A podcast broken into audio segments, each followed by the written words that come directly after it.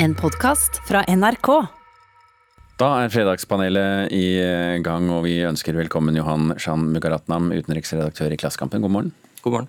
Nina Kristiansen, redaktør i forskning.no. God morgen. Hei. Og med oss på linje fra Kautokeino, eller Marja Eira, musiker, joiker, komponist og filmskaper. God morgen til deg også. What is it?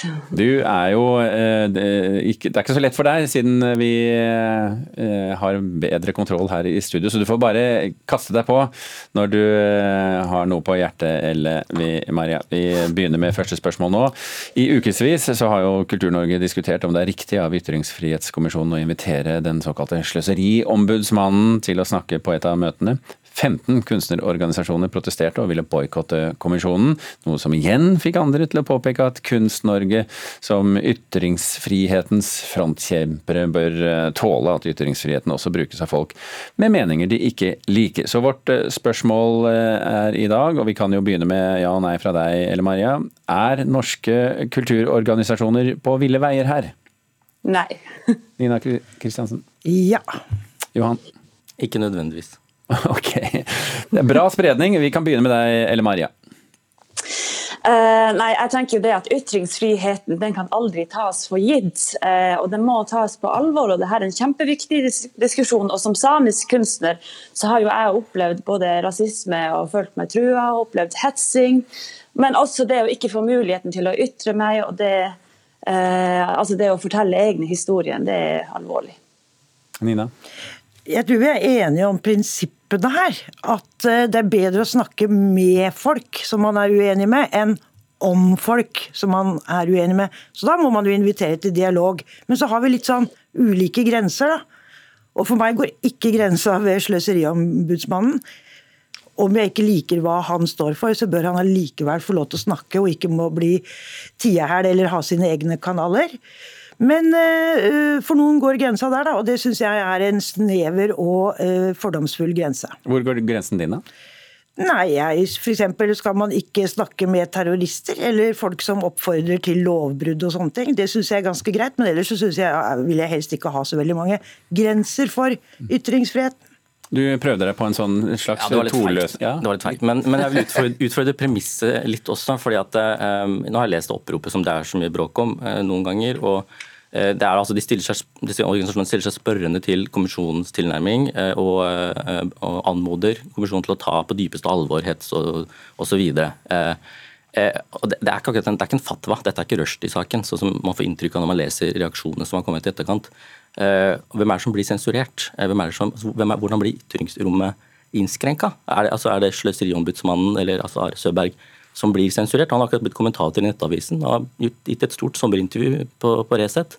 Eller er det artister som, som eh, Elle Maria eller minoritetsstemmer som jeg kjenner som bevisst ikke bruker sin ytringsfrihet fordi de vet at reaksjonen er hets og trakassering. Og For dem må stadig få høre at de må tåle ubehag, og det er det ytringsfriheten handler om. Det er jo selvfølgelig eh, frustrerende, det skjønner jeg veldig godt. Men Elle Maria, er det slik at du um, Føler du at du blir hindret i å utøve ditt yrke? Ja, det gjør jeg absolutt. I hvert fall når jeg gang på gang blir utelatt av det offentlige systemet. F.eks.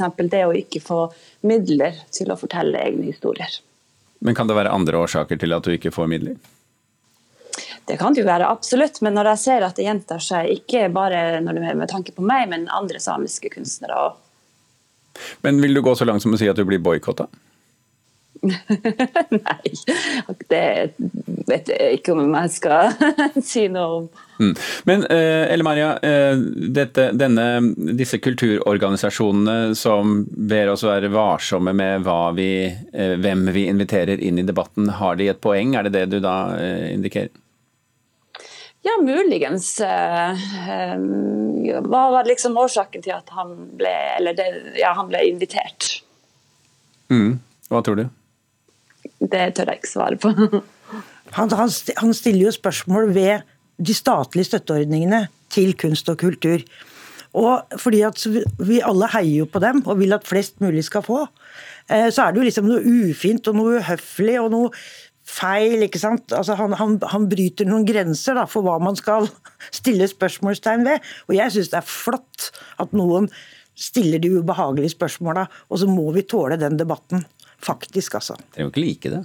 Vi bør ikke like det, men det er ikke sånn at de vi ikke liker, ikke skal få snakke i alle mulige slags fora. Og det, du kan godt si at ja, så har den noen fora, men det er, sånn der, kan, det er ikke sånn at han ikke skal få lov til å være i flere fora, selv om han nå da har blitt kommentator osv. Så, videre. så jeg syns ikke det holder som eh, begrensning, da.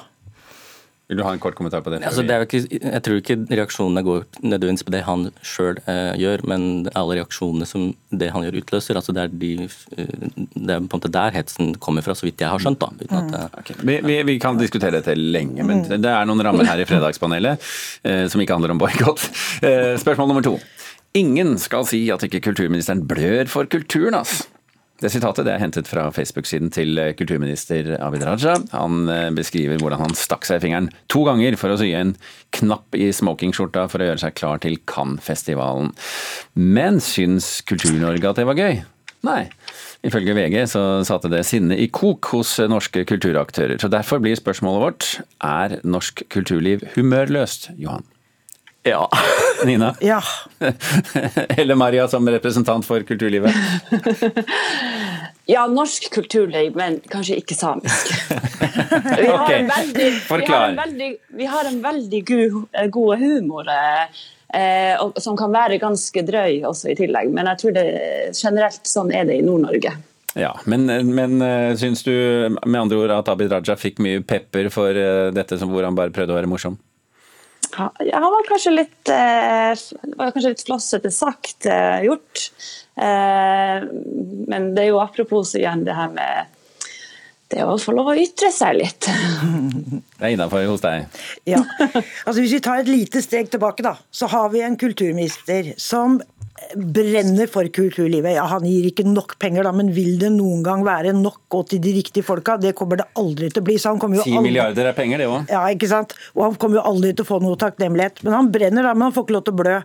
Det er jo litt rart. Men, og så er det sånn jeg syns det er litt flott, ja, da. Vi ser kulturministeren i Norge sitt, skal til Cannes, det er jo en flott ting. Men så sitter han jo og syr i knappene i smokingskjorta sjøl. Altså, jeg syns det er litt flott, ja, da. Vi har, det er litt ydmykt. Ja, nå støtter jeg Ydmyk. Det vi noterer oss at du har kalt uh, Abid Raja ydmyk. Nå støtta jeg kunstnerne i forrige spørsmål, så nå skal jeg dolke dem i ryggen. Eh, altså, jeg har ikke så mye til overs for Venstre politisk sjøl, men, eh, men eh, jeg lo litt når jeg så, da jeg så den statusen. Og jeg vil jo heller eh, ha politikere som, når de først skal bruke sosiale medier, som de tross alt gjør, eh, at de gjør sånne ting som dette, da, eh, som er ganske sånn ja, eh, harmløst, eh, egentlig, eh, enn at de har sånne strigla kommunikasjonsrådgiverstyrte kontor som bare pumper ut intetsigende eh, sånn trivielle hverdagslige ting, bare for å late som eller framstille politikerne som, som mennesker, da, som de tross alt er. Så jeg vil heller at noen holder på med dette sånn som Abid Raja gjør, og driter seg ut innimellom. Kanskje er litt umusikalsk, men ja, jeg stusser over reaksjonene. Jeg gjør det. Skal vi ta oss og sette punktum der også for det spørsmålet? Vi har noe som er veldig viktig å diskutere nå. Vi skal snakke om musikk.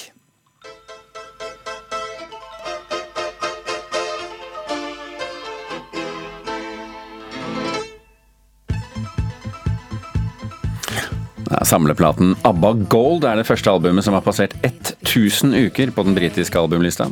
Knallgode låter som holder seg godt, sa musikkviter Per Ole Hagen til oss her i Nyhetsmorgen denne uken. Men vårt spørsmål er er det et godt tegn for popmusikken at ABBA fortsatt selger? Ja. Ja. Eller Maria? Ja. altså, det er jo det, er jo, det, det, det forteller jo bare at det er noe som varer, og det er veldig bra. Man blir huska, det er kvalitet, det er, det er genialt. Det var kort oppsummert. eh, Nina Kristiansen? Ja, fordi jeg jobber i forskningsjournalistikken, da. Så går jeg jo til forskningen som regel når jeg skal undersøke, og da gikk jeg til ABBA-forskningen. Den var tynn.